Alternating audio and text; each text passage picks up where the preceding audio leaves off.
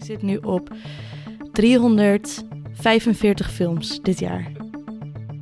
Uh, het het uh, verraderlijke aan de male gaze is dat je die ook internaliseert. Hè? Dus dat, het is zeker niet zo dat, dat vrouwen geen male gaze hebben. Ik gebruik films als ik als filosoof bezig ben. Vooral als voorbeelden om mijn argumenten te onderstrepen. Als soort van thought experiments die er toch al zijn. Het is weer winter. En dan wil je toch enkel een excuus om gezellig films te kijken. In deze aflevering leggen onze gasten Mabel Zwaan en Katrien Schouwbroek de link tussen film en filosofie. Hoe kunnen films filosofisch interessant zijn? We zoomen in op de vraag wat films voor het feminisme kunnen betekenen. Wat maakt een film bijvoorbeeld feministisch en hoe worden vrouwen verbeeld op het witte doek? We zoeken het uit via Thelma en Louise, Sofia Coppola en de Before-trilogie van Richard Linklater, maar ook via Westworld, I May Destroy You en The Hunger Games. Je luistert naar Kluwe.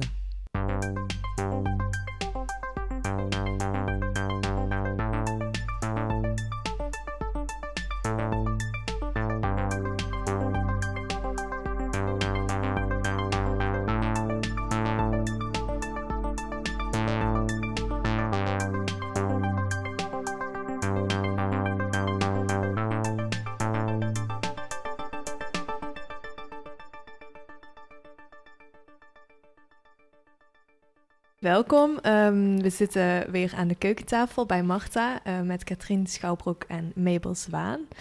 Uh, Katrien was al eerder te gast in onze derde aflevering, denk ik. Ja, over, helemaal in het begin. Ja, ja, ja, helemaal in het begin. Uh, inmiddels hebben we heel wat afleveringen gemaakt en we hadden het er straks al over 30.000 streams. Dus er gaan nu veel meer mensen naar jullie luisteren dan die, die derde aflevering, Katrien. Oké. Okay. Um, Ja, ik had het net al even met Mabel erover uh, of ze ook echt veel films keek. Dus of het echt kwantiteit is of kwaliteit, maar misschien beide. Maar hoeveel films heb, weet je dat? Of hoeveel uh, films je hebt gekeken dit jaar? Nou, ik zou uh, de app er even bij kunnen pakken waarin ik alles heel secuur bijhoud. Maar ik heb toevallig gisteren bekeken en ik zit nu op 345 films dit jaar. Oké, okay, dus het is ongeveer één film per dag, denk ik? Ongeveer, ja. Ja. En op sommige dagen zijn het er vier en andere keren een hele week niet. Dus het is niet uh, dat ik elke dag braaf achter het scherm kruip. Maar... Ja, en wat hou je dan allemaal bij? Uh, nou ja, in de app Letterboxd. Misschien willen ze die wel sponsoren. uh, um, hou ik gewoon elke film bij die ik kijk met ratings. Dus dan geef je een ster van 1 tot 5. En dat doe je bij elke film dan ook? ja, vrijwel elke film. Zo nu en dan is er wel eens een film waarvan ik... Um, bijvoorbeeld ik heb laatst Rosemary's Baby voor het eerst gezien, maar dat voelt toch als een film van ik denk van ik weet nu niet hoe ik dit kan beoordelen. Ik ging die meer kijken um, vanwege een gesprek dat ik had en ik dacht oké, okay, ik ben benieuwd. Um, maar dan kijk ik daarvan naar met een andere bril. Dus dacht ik, ja, dan voelt het gek om dit, hier nu sterren aan te verbinden. Maar verder eigenlijk, uh, ja, rate ik ze ook allemaal, ja. Oké, okay. en uh, Katrien, kijk jij ook zo uh, naar films? Hou je het ook bij? Of zijn er nee, meer een paar films die niet. je uitkiest? Nee, nee, want ik zou mezelf ook niet echt als een cinefiel durven omschrijven. Ik, ik kijk wel graag film, maar het is... Uh, ik heb nog hele grote gaten in mijn uh, filmkennis of zo. En ik kom hoegenaamd niet in de buurt van 354 of 45, wat was het? 45, 345 ja. films. Ik denk dat ik er dit jaar... Uh, goh, één per maand soms al, uh, is al goed. Mm -hmm. dus, ja. Ja. Nou, ja, Mabel en ik kennen allebei iemand, Kees, shout-out naar Kees. Die had vorig jaar 530 films gekeken. Ja, die dat... had ook allemaal bij. Dat is wel echt... Uh... Echt wel, uh, ik dacht dit jaar, oké, okay, ik wreef zo in mijn handjes van, oké, okay, kijken of ik het dit keer bij kan houden. Maar al binnen de kortste keren liep je 100 films op mij voor. Dat is echt ja. bizar. Ja, dat is zeker bizar. Maar Katrien, misschien uh, kijk jij gewoon naar één film, want je hebt heel veel geschreven over film en filosofie. Um, misschien kijk jij gewoon naar één film en dan ga je daar heel lang over filosoferen. Dat kan natuurlijk ook. Want je hebt je favoriete mm -hmm. regisseurs, daar gaan we het straks ook nog over hebben. Ja. ja en wat vind jij zo interessant aan de combinatie film en filosofie? Um, ik heb ook wel echt een voorkeur voor bepaald type films of zo. Ik denk dat dat wel uh, eh, belangrijk is. Ik, ik kan me er eigenlijk niet toe zetten om een eh, science fiction film te kijken. Vind ik heel moeilijk. Of fantasy films of uh, thrillers. Of ik vind, dus ik ben, daarom ook wil ik mij geen cinefiel noemen als in... Ik apprecieer misschien niet het, het medium film op zich voldoende, maar ik apprecieer wel hoe film... Um, interacties tussen mensen kan uh, tonen. Dus de, de, meeste films waar ik dan naar kijk, of waar ik uh, dan iets mee heb, zijn eigenlijk altijd films over relaties, um, op een of andere manier. Uh, en, ja, en daar kan ik dan wel over filosoferen. Ja, of, of dat kan mij dan wel... Ik vind het dan wel fijn om daarover na te denken, van wat toont dat dan over relaties tussen mensen. En als moraalfilosoof, denk ik, is dat een soort te verwachte focus uh, die ik heb. Maar dat, dat weerspiegelt zich dan ook wel in wat ik uh, interessant vind. Ja. En hoe kijk, zoek je een film dan echt uit waarvan je van tevoren weet uh, daar ga ik filosofisch over nadenken? Of hoe kijk je, dat zijn misschien twee vragen, hoe kijk jij naar een film als filosoof zijnde? Ah, ik denk dat je de korte inhoud wel een beetje wil weten of zo. Um, ja, ik ben niet iemand die uh, s'avonds dan maar gaat film kijken om film te kijken of zoiets. Uh, ik, ik kan er ook echt wel lang over doen om te weten wil ik die, wil, welke film wil ik eigenlijk kijken. Want anders voelt het als tijdverlies. Uh, ik ga... Ah, ja ik kijk ook alleen maar naar goede films. In de zin van, of ik denk dat het een goede film zal zijn. Als ik, uh, ja, ik kan niet kijken voor de belichting of voor het decor of zo. Dat interesseert me echt niet voldoende. Dus het is het narratief. Als ik iets weet over de, de, het verhaal, hè, de korte inhoud of de titel, of wat je, dingen, wat je opvangt of wat je weet van andere films, als het narratief me aanspreekt, dan, uh, dan ga ik kijken. Hoe is dat voor jou, Mabel? Hoe kijk jij naar een film als filosoof? Um, ja, ik denk een beetje dat er twee verschillende manieren zijn waarop ik uh, als filosoof zijnde naar een film kan kijken. Um, oftewel dat een verhaal op een bepaalde manier speelt met, uh, met ideeën. En dan kan ook science fiction zijn, of, of thrillers of iets dergelijks. Maar ook um, ja, films over menselijke relaties. En dat dat dan een beetje bijvoorbeeld een argument kan inkleuren dat ik al heb. Of ik kijk naar een film en dan um, zie ik daar eigenlijk ook filosofie in. Dus dat ik mm -hmm. uh, ook geloof dat uh, filosofie niet alleen in academia hoeft plaats te vinden, maar um, dat er net zo goed films kunnen zijn die hele filosofische ideeën kunnen overbrengen of uh, voortbrengen. En ja, dat vind ik ook dan heel erg mooi om op die manier naar te kijken en dan op die manier wel geïnspireerd te raken en ja, nieuwe ideeën te ontwikkelen door ideeën die in films al zitten ingebakken. Ja, en, het is niet, ik, ik, ik maak daar net een valse tegenstelling, alsof uh, science fiction of, of uh, thriller, dat dat niet over relaties kan gaan. En dat kan natuurlijk ook wel, denk ik. Het, is niet, ja, het gebeurt misschien iets minder of zo. Het, het is minder het uitgangspunt van dat genre op zich, maar er zullen wel science fiction films zijn. Zoals uh, eentje die ik wel gezien heb, is The Road, die dystopische film, um, die over een vader en een zoon gaat. Ja, dat is een soort van science fiction of ja, een dystopische film. Maar dat, gaat ook wel over een relatie, dus dat kan ook wel. Je kan ook wel, mhm. denk ik. Um, ja, ik wil die valse tegenstelling even rechtzetten. ja, ik, ik, ik, ja. ik, vind zelf sci-fi films wel erg leuk. En, maar ook juist die koppeling wel met filosofie. Bijvoorbeeld ja. ethiek van de technologie. Mhm. Of wat het betekent om uh, mens te zijn. Als je bijvoorbeeld kijkt naar Blade Runner of zo met robots. Of, Dat zijn wel vragen die dan uh, in de filosofische vragen die dan in de film gesteld worden of zo. Ja, en als je zo naar een reeks, er zijn van die reeksen, zo popular philosophy um, boekenreeksen, waar, waar um, Philosophy en The Matrix, of Philosophy en mm. Blade Runner, of mm. dat, heel vaak zijn dan net de, de science fiction en de, um, ja, de gedachte-experimentenfilms. Die ja, gebeuren, precies. die worden vaak met filosofie gekoppeld, maar net die vind ik persoonlijk minder fijn om naar te kijken. Um, mm. Maar dat, dat heeft echt met persoonlijkheid te maken. Dat heeft niet te maken met het feit dat dat minder filosofisch zou zijn. Ja. ja. Nou, dan gaan we eh, straks nog even in op welke films voor jou dan wel dat doen. Mm. Maar ik wilde eerst aan Mabel vragen. Jij hebt ook geschreven over film en filosofie. Mm -hmm. En ik las iets met uh, Marx en Hobbes en uh, Plato, denk ik. Ik weet niet meer precies. Kan je daar iets over vertellen? Hoe koppel je die aan elkaar? Ja, uh, nee, dat was voor een, uh, voor een heel leuk project van een nieuw vak... wat heel erg gaat over, wat ik net zei... filosofie kan meer zijn dan in academia. Een beetje, het heet de canon en. Dus je had daarin ook de vrijheid om uh, op een andere manier... met filosofische ideeën om te gaan. En ik be- besloot toen een podcast te maken, waarin ik ehm, in drie afleveringen tijd dystopische young adult films heb gekoppeld aan politiek filosofen. En dan heb beargumenteerd in een, in een essay dat ik erbij had gevoegd. Ehm, dat dat manieren zijn waarop je eh, nieuw publiek eigenlijk kunt voorstellen aan ideeën die wij in academia leren. En toen heb ik eh, Marx gekoppeld aan The Hunger Games. En heb ik Divergent gekoppeld aan, ehm, even kijken of ik het nog goed zeg, ehm, aan Plato. En ehm, heb ik The Maze Runner gekoppeld aan Hobbes.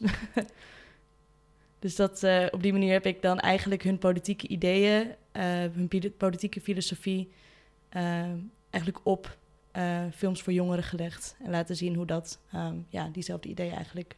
Ja, dus je gebruikt de films als manier om bepaalde filosofische ideeën uit te leggen.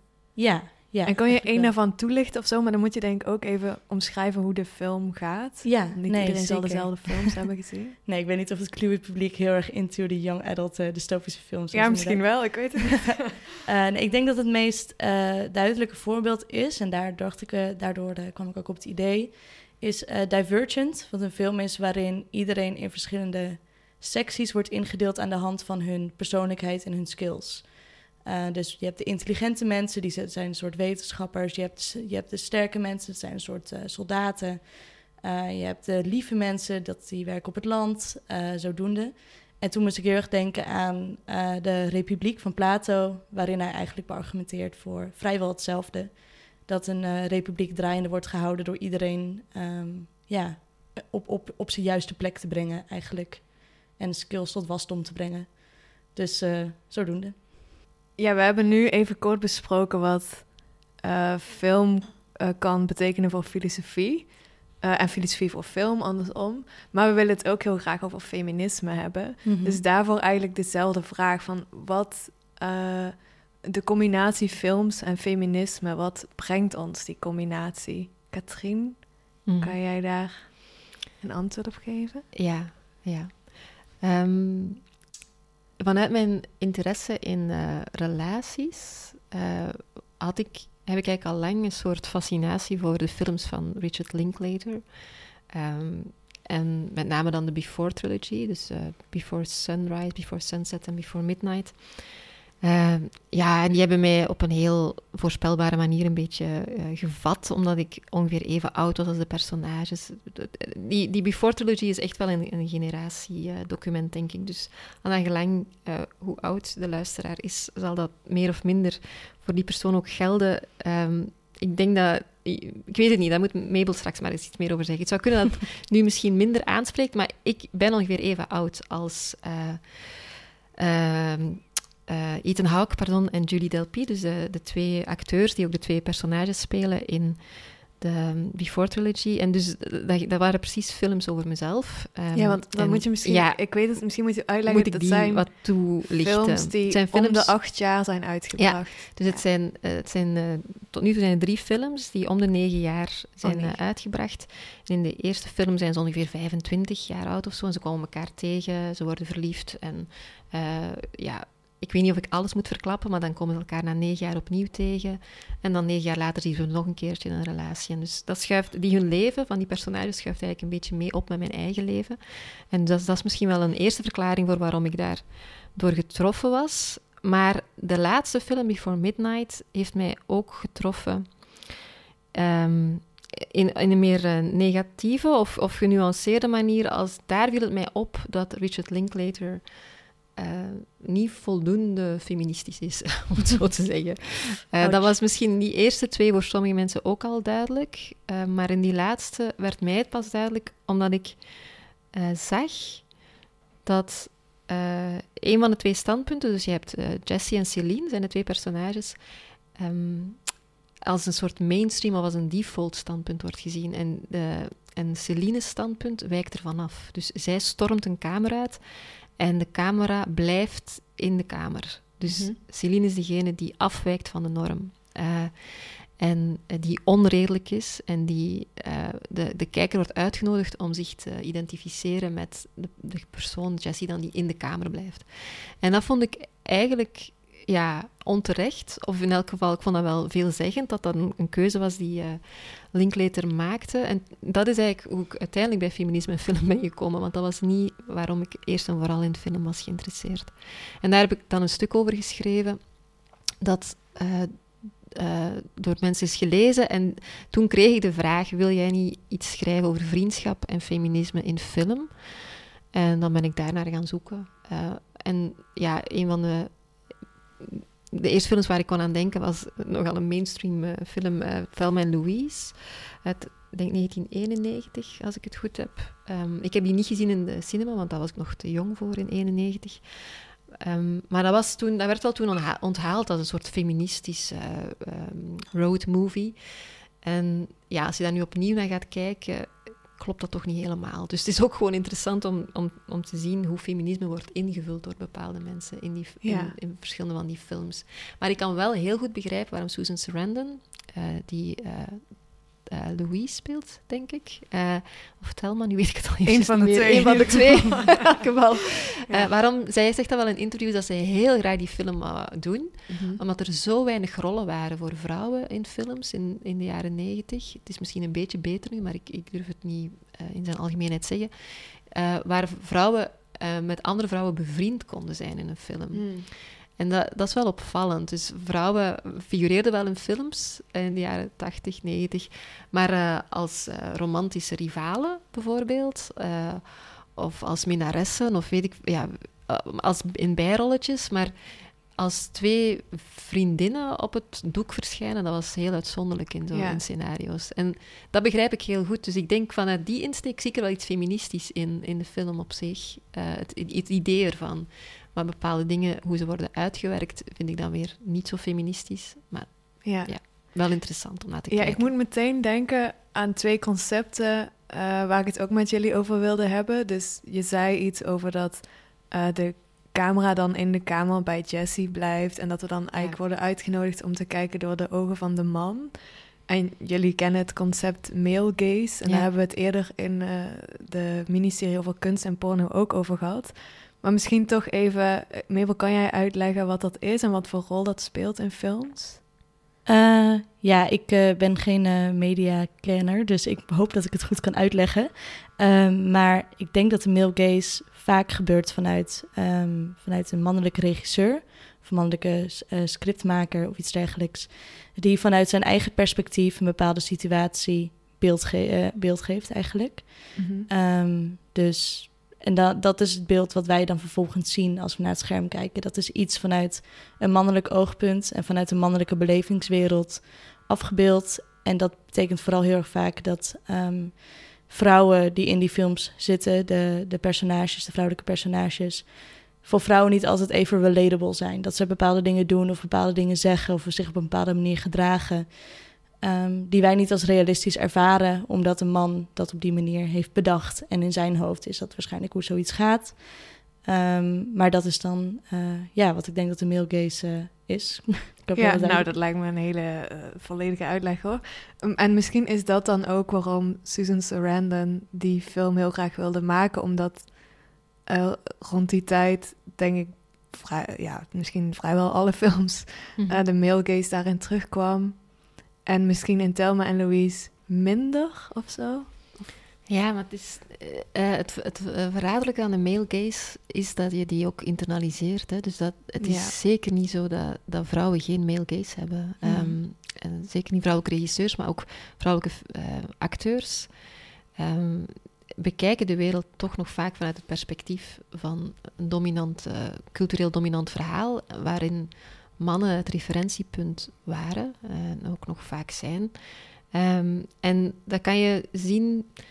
Ja, ik, ik denk dat ik het wel kan uitleggen met Thelma en Louise ook. Maar er zijn, recenter heb ik met uh, Fleur Jongepier en Tim de Meij een gesprek gehad over uh, Coppola, Sofia Coppola. En haar films, um, of die al dan niet feministisch waren. En Fleur Jongepier kon daar wel heel goed uitleggen waarom Coppola's films eigenlijk een male gaze blijven behouden. Ook al uh, is zij een vrouwelijke filmmaakster mm -hmm. en figureert zij of nodigt zij vaak vrouwen uit in haar films. Maar uh, met Thelma en Louise, ik denk dat je daar zou kunnen zeggen, het is een feministische film gemaakt door een, um, man die een bepaald beeld heeft van wat feministen dan doen. Namelijk feministen uh, die uh, maken karikaturen van andere mannen, hè, van mannen, van andere mensen. Die uh, zijn boos op iedereen. die sluiten mannen op in een kofferbak. in een kofferbak. Dat gebeurt in de Die zijn bereid om hun leven te geven om toch maar niet naar het patriarchaat te moeten terugkeren. En ja, dan denk je wel, oh, welke stappen zijn daar allemaal gezet in die film om uiteindelijk het inderdaad zo ver te hebben dat de vrouwen om te moeten vluchten voor een patriarchaat eigenlijk maar één keuze hebben. Ehm, en dat is ja, uh, stoppen met leven. En dan denk je, ja, is dat dan... En dat zou dan het summum van feminisme zijn of zoiets. Dus de feminist is eigenlijk de, de, ja, de zelfmoordterrorist, bij wijze van spreken. dat, mhm. dat, is eigenlijk waar het uh, op neerkomt. En dat is alleen maar... Die, gelijk, die gelijkstelling kan je alleen maar maken wanneer je vanuit de mannelijke samenleving of de patriarchale samenleving als de default samenleving neerzet, waar je alleen maar ja, kan tegen ageren ehm, ja, op, een, op een eigenlijk nog een zelfvernietigende manier. Ja. Uh, die Thelma en Louise vernietigen zichzelf en daarmee ook dus het feminisme. Ja. ja, zo had ik het zelf nog niet bekeken, dat het inderdaad een bepaald beeld neerzet van feminisme. Ik had zelf meer het idee, nou ja, misschien was dit voor sommige mensen op een bepaald moment een feministische film. En ik kan zelf ook genieten van de film. Ik vind het ook mhm. wel gewoon lekker om naar te kijken. Die uh, zelfvernietigende feministen waar je dan toch mee... Uh, ja, Identificeert? Ja, misschien wel. ja, ja, zeker wel. Um, maar zelf had ik meer het idee, uh, nou als we dit feminisme noemen, dat is misschien gewoon een hele lage standaard die we daarvan hebben of zo. En dat deed me ook denken aan een ander concept waar ik het over wilde hebben, de Bechdel-test. Mm -hmm. wil jij weer een uitlegrondje doen? ja hoor.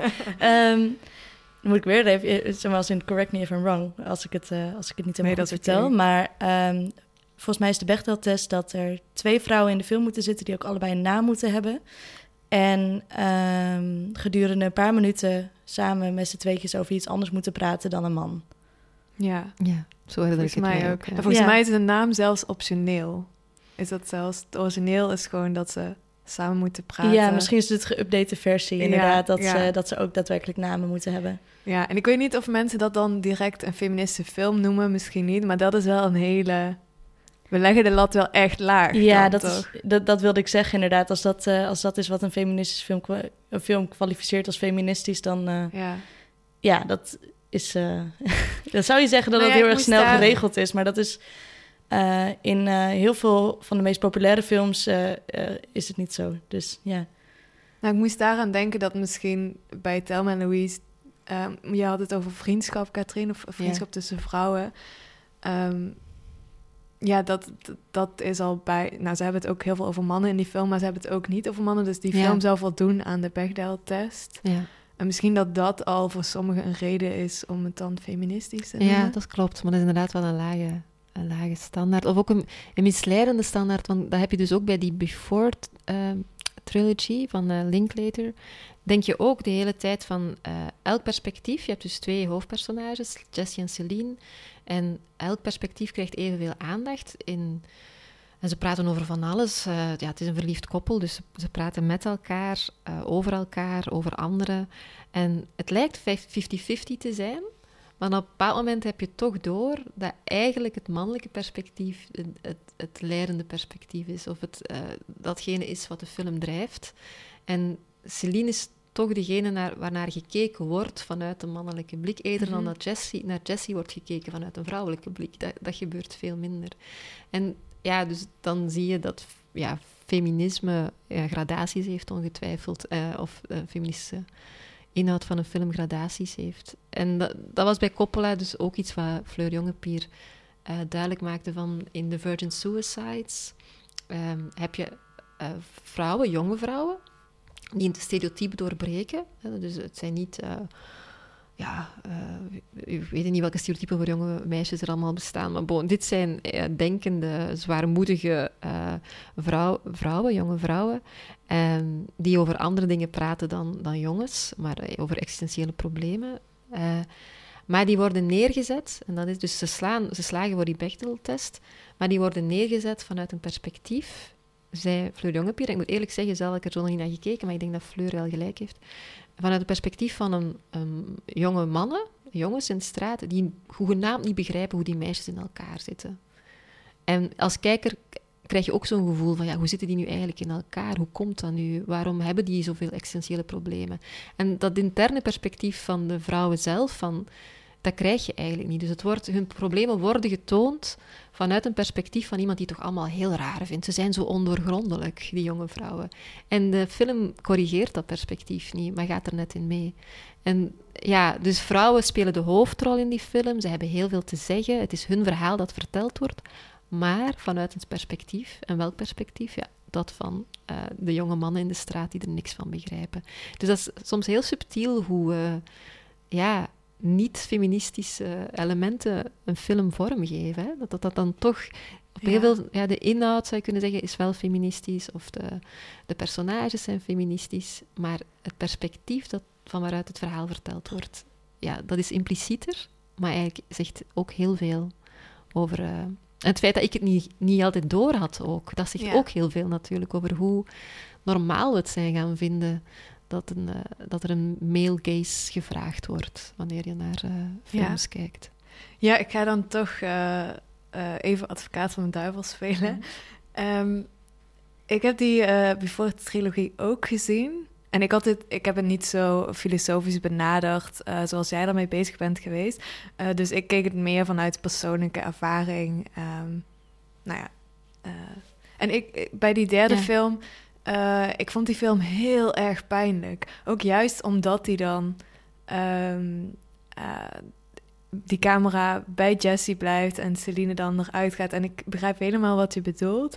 Maar ergens vond ik dat zelf wilde ik ook nog geloven dat dat uh, bewust was gedaan om mij het gevoel te geven als vrouw dat ik inderdaad onzichtbaar ben op dat moment. Dus in een soort meta-manier voelde ik het dan toch weer feministisch aan of zo. Begrijp je wat ik bedoel?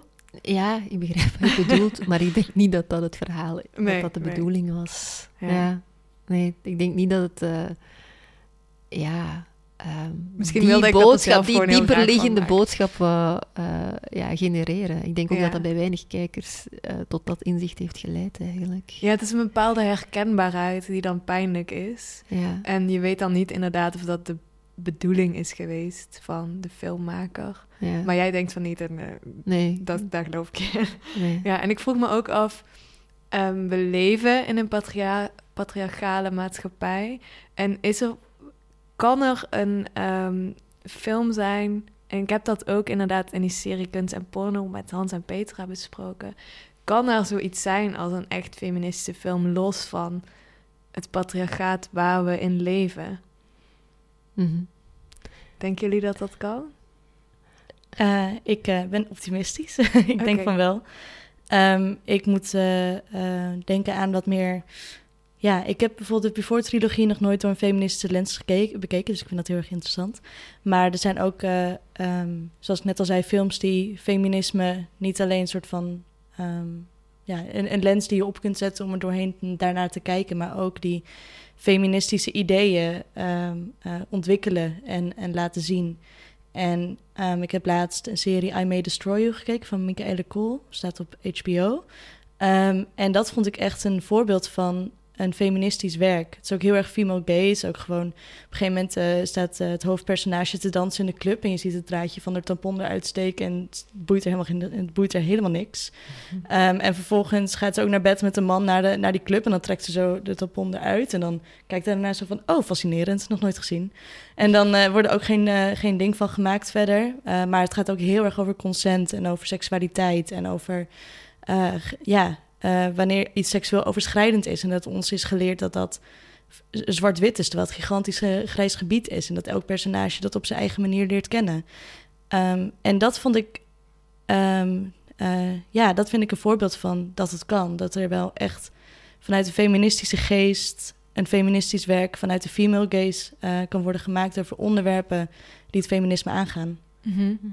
Ja, en Katrien, jij had het straks over vriendschap tussen vrouwen in films. En uh, dat Thelma en Louise misschien dan niet helemaal toch feministisch is. Maar heb je misschien een voorbeeld van een film waarbij zo'n vriendschap volgens jou wel realistisch of goed wordt weergegeven? Ik weet niet precies of dat hetzelfde is, realistisch ja, wel, en goed. is het realistisch of goed, ja.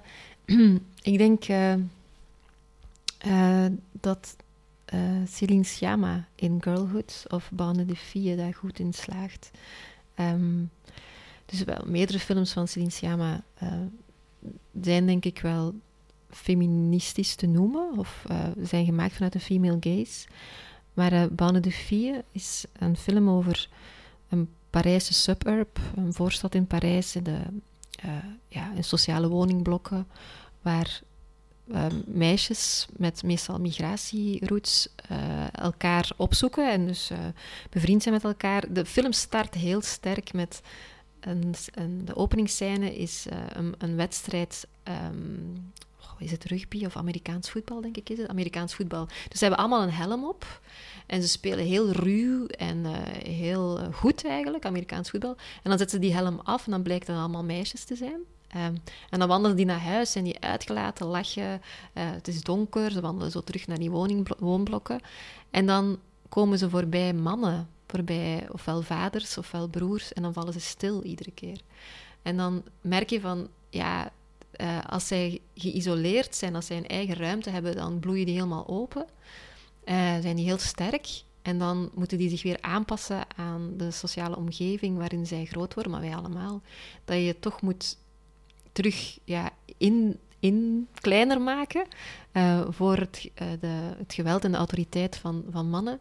En de hele film blijft, daarmee, blijft daar heel eerlijk in van uh, vrouwen kunnen elkaar emanciperen en sterk doen voelen, maar ze zullen dat toch altijd blijven doen in een patriarchale samenleving.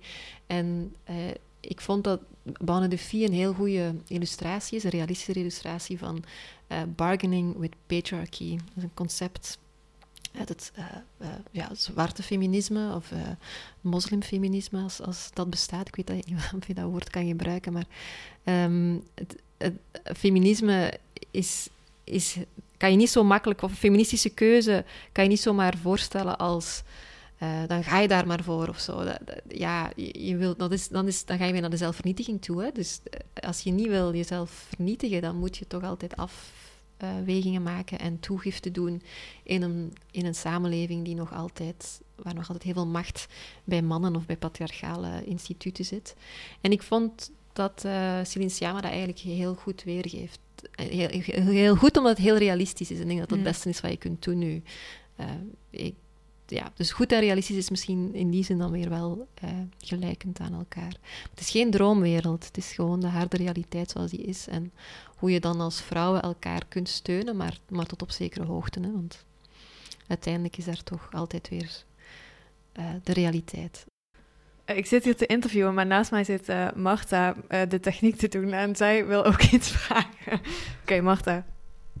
Ja, Katrien spreekt de hele tijd, of, of hele tijd. Ze heeft gesproken over um, uh, films die goed zijn omdat ze realistisch intieme relaties weergeven of iets tonen van hoe de wereld voor vrouwen in elkaar zit.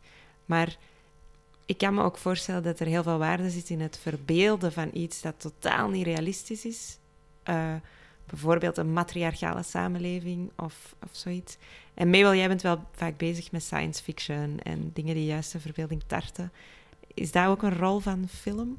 Uh, ja, absoluut. Ik, uh, uh, de matriarchale samenleving, daar moet ik even over nadenken of ik een film weet die dat doet.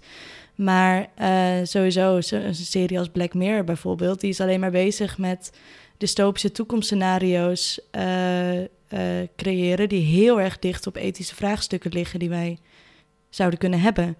En ik heb zelf um, een essay geschreven over seksrobots bijvoorbeeld. Um, en beargumenteerd waarom die consent moeten kunnen tonen. Ervan uitgaande dat ze ontwikkeld worden, wat ik denk dat uh, wel gaat gebeuren. Um, en dan heb ik bijvoorbeeld de serie Westworld van HBO, uh, een sci-fi serie, gebruikt als voorbeeld daarin. want dat uh, Westworld, ik weet niet of mensen aan tafel of kijkers hem hebben, luisteraars hem hebben gezien, maar um, het is een gigantisch western uh, attractiepark wat eigenlijk is gecreëerd uh, met androïde robots die exact één op één op mensen lijken, die dan eh, cowboys zijn of eh, in een saloon werken of eh, ja, van alles. Allemaal verschillende personages. En je kunt dan, als je heel rijk bent en heel veel geld hebt, je daar cowboy wanen. Gewoon daartussendoor een avonturen beleven met die robots eigenlijk. En uiteraard heb je daar een saloon en uiteraard werken daar sekswerkers. ehm, waar je eh, tegen betaling mee naar bed kunt. Maar je, mag, je bent vrij om alles te doen wat je wil. Dus je zou net zo goed ervoor kunnen kiezen om eh, het stalmeisje van de, van de boerderij verderop eh, nou ja, te verkrachten eigenlijk. Dat, zou je, dat, dat is een keuze die je kunt maken. En die is niet slecht, want het is immers een robot. Eh, maar ik heb daar Dus je scrolt er een beetje eh, bij met je ogen, maar dat eh, zien, of, ja, dat Ja. zien de luisteraars niet. ja, ja. Nee, zeker. Ehm, want ik heb eigenlijk beargumenteerd, ehm, ook met gebruik van een essay van Amanda Carsten, een, iemand waar we het net eventjes over hadden, ehm, waarom dat eigenlijk negatieve seksuele attitudes dan enhanced in plaats van positieve aan te moedigen. En dat vandaar was dus mijn argument van, oké, kijk, hier zie je dus wat kan gebeuren als het tonen van consent bij seksrobots geen issue is. Als dat gewoon mag. Eh, en wat daar de risico's van zijn. Dus op die manier, met series als Black Mirror, met Westworld, met eh The Matrix, noem het allemaal op, kun je allemaal, eh, ja, je kunt echt los daarmee. Juist omdat ze onrealistisch zijn, geeft dat facetten om, te, om na te denken over bepaalde onderwerpen die niet nu geworteld zitten in de realiteit, maar op een gegeven moment misschien wel. Ehm, ik vroeg me ook nog, jij zei straks al, eh, ik kijk alleen goede films, vond ik een heel goede uitspraak. en ik vroeg me af, Mabel, of jij dan nog wel van, eh weet ik veel, platte romcoms kan genieten of zo. Of blijft altijd het feministische brein Eh, aan? Of... Nee, nee ik kan er absoluut nog van genieten. Ik moet ook zeggen, ehm, ik zit ook heel erg diep op film TikTok. En afgelopen week heb ik een, eh, ehm, een kerstfilm gekeken, The Holiday. Eh, wat zo plat als en romcom is als je ze maar kunt bedenken. En daarna eh, zag ik dat ehm, eh, een TikTok, heel toevallig... mijn algoritme had waarschijnlijk door dat ik die film had gekeken of zo... waarin beschreven werd waarom Jack Black de ultieme female gaze acteur is. Omdat mannen zich nooit kunnen voorstellen waarom vrouwen zich aangetrokken voelen tot Jack Black. En dat, dus in, maar in die film weet hij ehm, een van de mooiste actrices van de wereld te fixen. Eh, en die wordt smoor verliefd op hem. En dat zij dus dat de ultieme female gaze eh, eh, romcom heeft genoemd. Dus ook op Mhm. die manier, zelfs als je naar een platte film kijkt, kun je er altijd nog op. Je kan er altijd iets van ja, maken. of zeker, zeker. ja. ja, maar dat komt misschien dan een beetje terug op waar, wat, waar ik het net over had. Met of dat dan de bedoeling is van de filmmaker of niet. Om zo die feministische draai eraan te geven of zo. Eh, nou, ik denk dat het met, met kunst over het algemeen altijd een two-way street is. Dat het eh, op een of andere manier, zoals in het geval van I May Destroy You, waar ik het net over had, is het heel duidelijk op een bepaalde manier bedoeld met een bepaalde politieke achter de achtergrond. Maar ik denk ook dat je dat zelf subjectief erop mag, eraan mag hangen of erop mag weerspiegelen. En dat je ook ideeën of beelden of dingen die in films of series voorbij komen, mag gebruiken om eigen ideeën verder te ontwikkelen als voorbeelden bijvoorbeeld. Eh, want dat is meestal eh, de manier hoe jij eh, film, over films filosofeert. Vind ik echt fantastisch. Dus ik kijk maar is naar Katrina. Ja, ik kijk naar Katrina. Maar dat, maar dat kan ik niet zo heel erg. maar dat, dat- nou, dat kan ik misschien wel, maar dat heb ik gewoon nog niet op die manier heel erg gedaan. Ik kan er heel erg veel meningen over hebben, maar ik gebruik films als ik als filosoof bezig ben, vooral als voorbeelden om mijn argumenten te onderstrepen. Als soort van thought experiments die er toch al zijn. Mhm. Ehm, en op die manier kijk ik dus eigenlijk niet naar, oh, met deze ideeën is deze film gemaakt, maar meer van, oké, dit is echt een heel goed voorbeeld van het argument dat ik probeer te maken of zo. Dus dat het ook andersom kan. Ja. Ja. Ja, dat lijkt me prima. een heel Ja, ja. positieve eh, manier om ermee om te gaan. Ik Ja. wilde wel ook nog iets vragen over eh, misschien negatieve impact die films kunnen hebben. Ehm, want eh. Film vormt je. Eh, zeker als je bijvoorbeeld in je eh, kinder- of tienerjaren bepaalde films hebt gezien waarvan je nu denkt, nou, dat kan eigenlijk echt niet. Ehm, hoe gaan jullie daarmee om? Kan je dat goed plaatsen? Bijvoorbeeld eh, als je een favoriete film hebt en je komt daar nu achter van, ah, eigenlijk was die echt niet feministisch. Hm. Ehm, ja, ik vind dat een heel lastig ding. Bijvoorbeeld toen ik ehm, een beetje into films begon te raken, ehm, die geen Twilight waren bijvoorbeeld, eh, in het begin van mijn tienerjaren.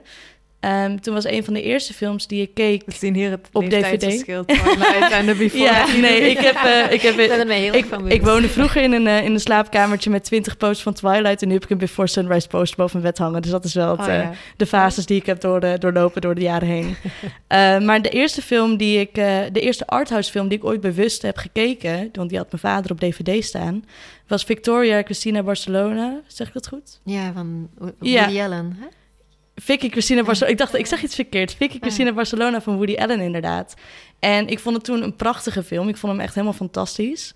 Um, en uh, die heb ik toen echt twintig keer gekeken. Elke keer als ik bij mijn vader was, ging dat dvd'tje weer op. En toen ben ik een beetje nou ja, films gaan ontdekken. Dus voor mij was dat een hele bijzondere film. Maar ja, zoals we nu allemaal wel aan deze tafel weten waarschijnlijk... is Woody Allen niet echt een soort van... Uh, een, een, een ethische vent. Dus nu heb ik eh, eigenlijk maar twee films van hem gezien, want ik heb daarna geen enkele andere film meer opgezet eh, in retrospect. Met Victoria Christina Barcelona, Vicky Christina Barcelona, zeg ik het weer. Uh, die zet ik één keer per zomer nog wel een keertje op, omdat het gewoon zo sentimenteel is. Dus het is ook, aan de ene kant heeft het mijn ervaring van die film gekleurd en veranderd. Maar aan de andere kant is het toch een soort van sentimentele waarde zit er ook aan vast. Dus ik maak dan de subjectieve keuze. We hadden het net ook voordat de podcast begon over cancel culture en iets een podium bieden of iets als consument uh, er nog van mogen genieten. En dat is voor mij dan een verschil en een keuze die ik soms maak.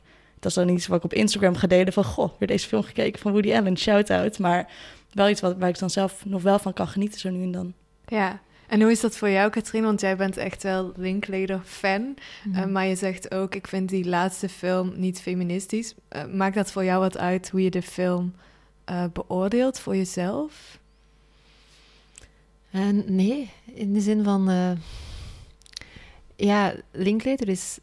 Ja, zou, zou een vriend van mij kunnen zijn, zeker zijn. Ik bedoel, het is geen vriend van mij, maar, maar vrienden van mij zijn zoals Linklater. Mm dit is gewoon de wereld waarin we leven. En Linklater is best progressief en, en, en slim en filosofisch ingesteld. En toch nog niet voldoende feministisch. Maar dat zijn, ja, als ik niet naar, van die film zou kunnen genieten, dan zou ik gewoon geen vrienden meer hebben.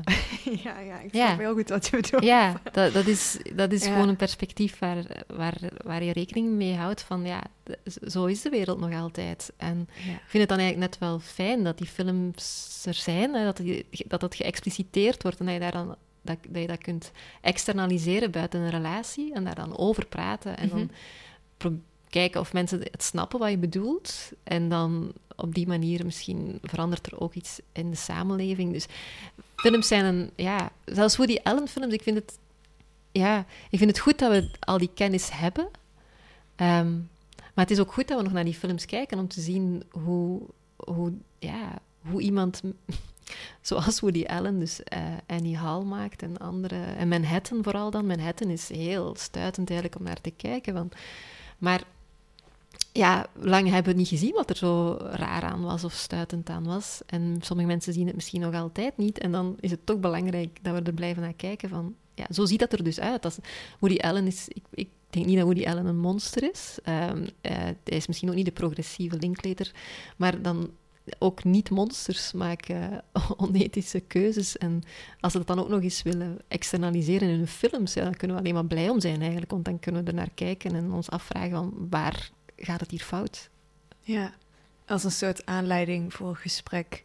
Ja, en ook als een uh, reminder van hoe, hoe ingewikkeld het leven is. ja. Ehm, want er zijn ook stukken aan de film en uh, Manhattan, waarvan je denkt, ja, voor een stuk zit daar ook echte liefde. Hè? Dat is niet alleen maar misbruik of zo. Daar zit ook, ja, verliefdheid en liefde zijn zodanig vormgegeven in een patriarchale samenleving dat je ook als dat het heel moeilijk is om daar bovenuit te stijgen.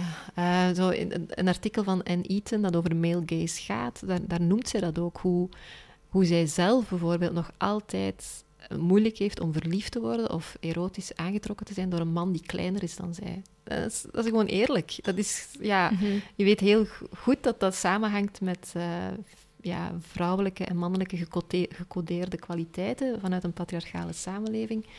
Maar die hebben ons wel gevormd, dus het is ook wel ja, het is gewoon ingewikkeld. en Ja. eh, daarom dat die films, denk ik, wel er mogen blijven en dat we daar wel kunnen naar kijken. Maar, en ook zelfs van genieten, maar eh, er ook wel een gesprek over hebben of kritische vragen bij stellen. Dan toch even terug nog naar eh Linklater en Coppola. Want we hebben jullie allebei uitgenodigd omdat jullie film en filosofie aan elkaar koppelen. En daar ook eh, met een feministische blik naar kijken. Maar dan kwamen we er al gauw genoeg achter dat jullie eigenlijk dezelfde favoriete regisseurs hebben. Ja, dat is opvallend. En ik ja. vroeg me dus af of dat... dat zijn dus Richard Linklater en Sofia Coppola. Eh, hebben jullie daar een verklaring voor? Of zijn dat eh, eh, regisseurs die dezelfde dingen thematiseren? Of, Geen idee. Mm, ik zit ook te denken. of zijn dit gewoon de beste regisseurs die er Ja, zijn? Ik Dat vind, kan vooral, ja, ik vind vooral van dat, dat, dat bij... Ik had dat niet verwacht dat dat bij Mabel ook nog zo zou zijn. Omdat Coppola is ook een beetje mijn generatie. Ik denk dat Coppola en Linklater ongeveer even oud zijn. Dus Mm. Ik, dat ik, hun leefwereld ligt heel dicht qua leeftijd dan. Ik bedoel, niet qua klasse of, of eh, waar ze zich in bewegen, sociale klasse. Maar qua generatie liggen die tamelijk dicht bij mijn leefwereld. En bij jou zal dat dan toch al wel anders zijn, maar toch... Ja, nee, Dus ja. dat kan niet deel van de verklaring zijn, denk ik. Eh, nee, ik denk dat het bij mij gewoon met terugwerkende kracht is eh, gebeurd, inderdaad. Want in mijn generatie zijn er Ja. nog wel films van hun uitgekomen. Ik weet nog dat ik bijvoorbeeld naar Boyhood ben gegaan in de bioscoop. En ook naar ehm The Beguiled, als ik het goed De- heb, van, ja. van eh, Sofia Coppola. Ja. Ehm, en eh, nou ja, zoals ik al zei, mijn vader had dvd'tjes en ook gewoon op eh, streamingplatforms en zo. ehm, ontdek ik heel erg graag films. En dat gaat dan heel vaak met terugwerkende kracht. Ja. En ik vond Boyhood en The Beguiled allebei prachtig. En ik weet niet meer op welke volgorde ik het heb gekeken. Maar ik weet dat bijvoorbeeld de Before-trilogie op een gegeven moment in een bioscoop draaide in Amsterdam. Ehm, en dat ik dacht, hé, hey, dat is van die ene regisseur. Ik ga er naartoe. En toen kwam ik echt naar buiten van, ik ben een veranderd mens. dus, eh, wat heeft het in je veranderd? Wa- Wat maakt Ja. het zo goed? Ja. Nou, ik ben sowieso heel erg dol op, ehm, op, op gewoon films met twee personen, een beetje theatraal bijna. Dat, eh, Mhm. dat het gewoon ja, gaat over ja, twee mensen. Maar ik, eh, ondanks dat die eerste film drie jaar voor mijn geboorte is uitgekomen, herkende ik me zo erg in die personages. Ik kwam letterlijk net terug van een interrailtrip in Wenen, in de trein.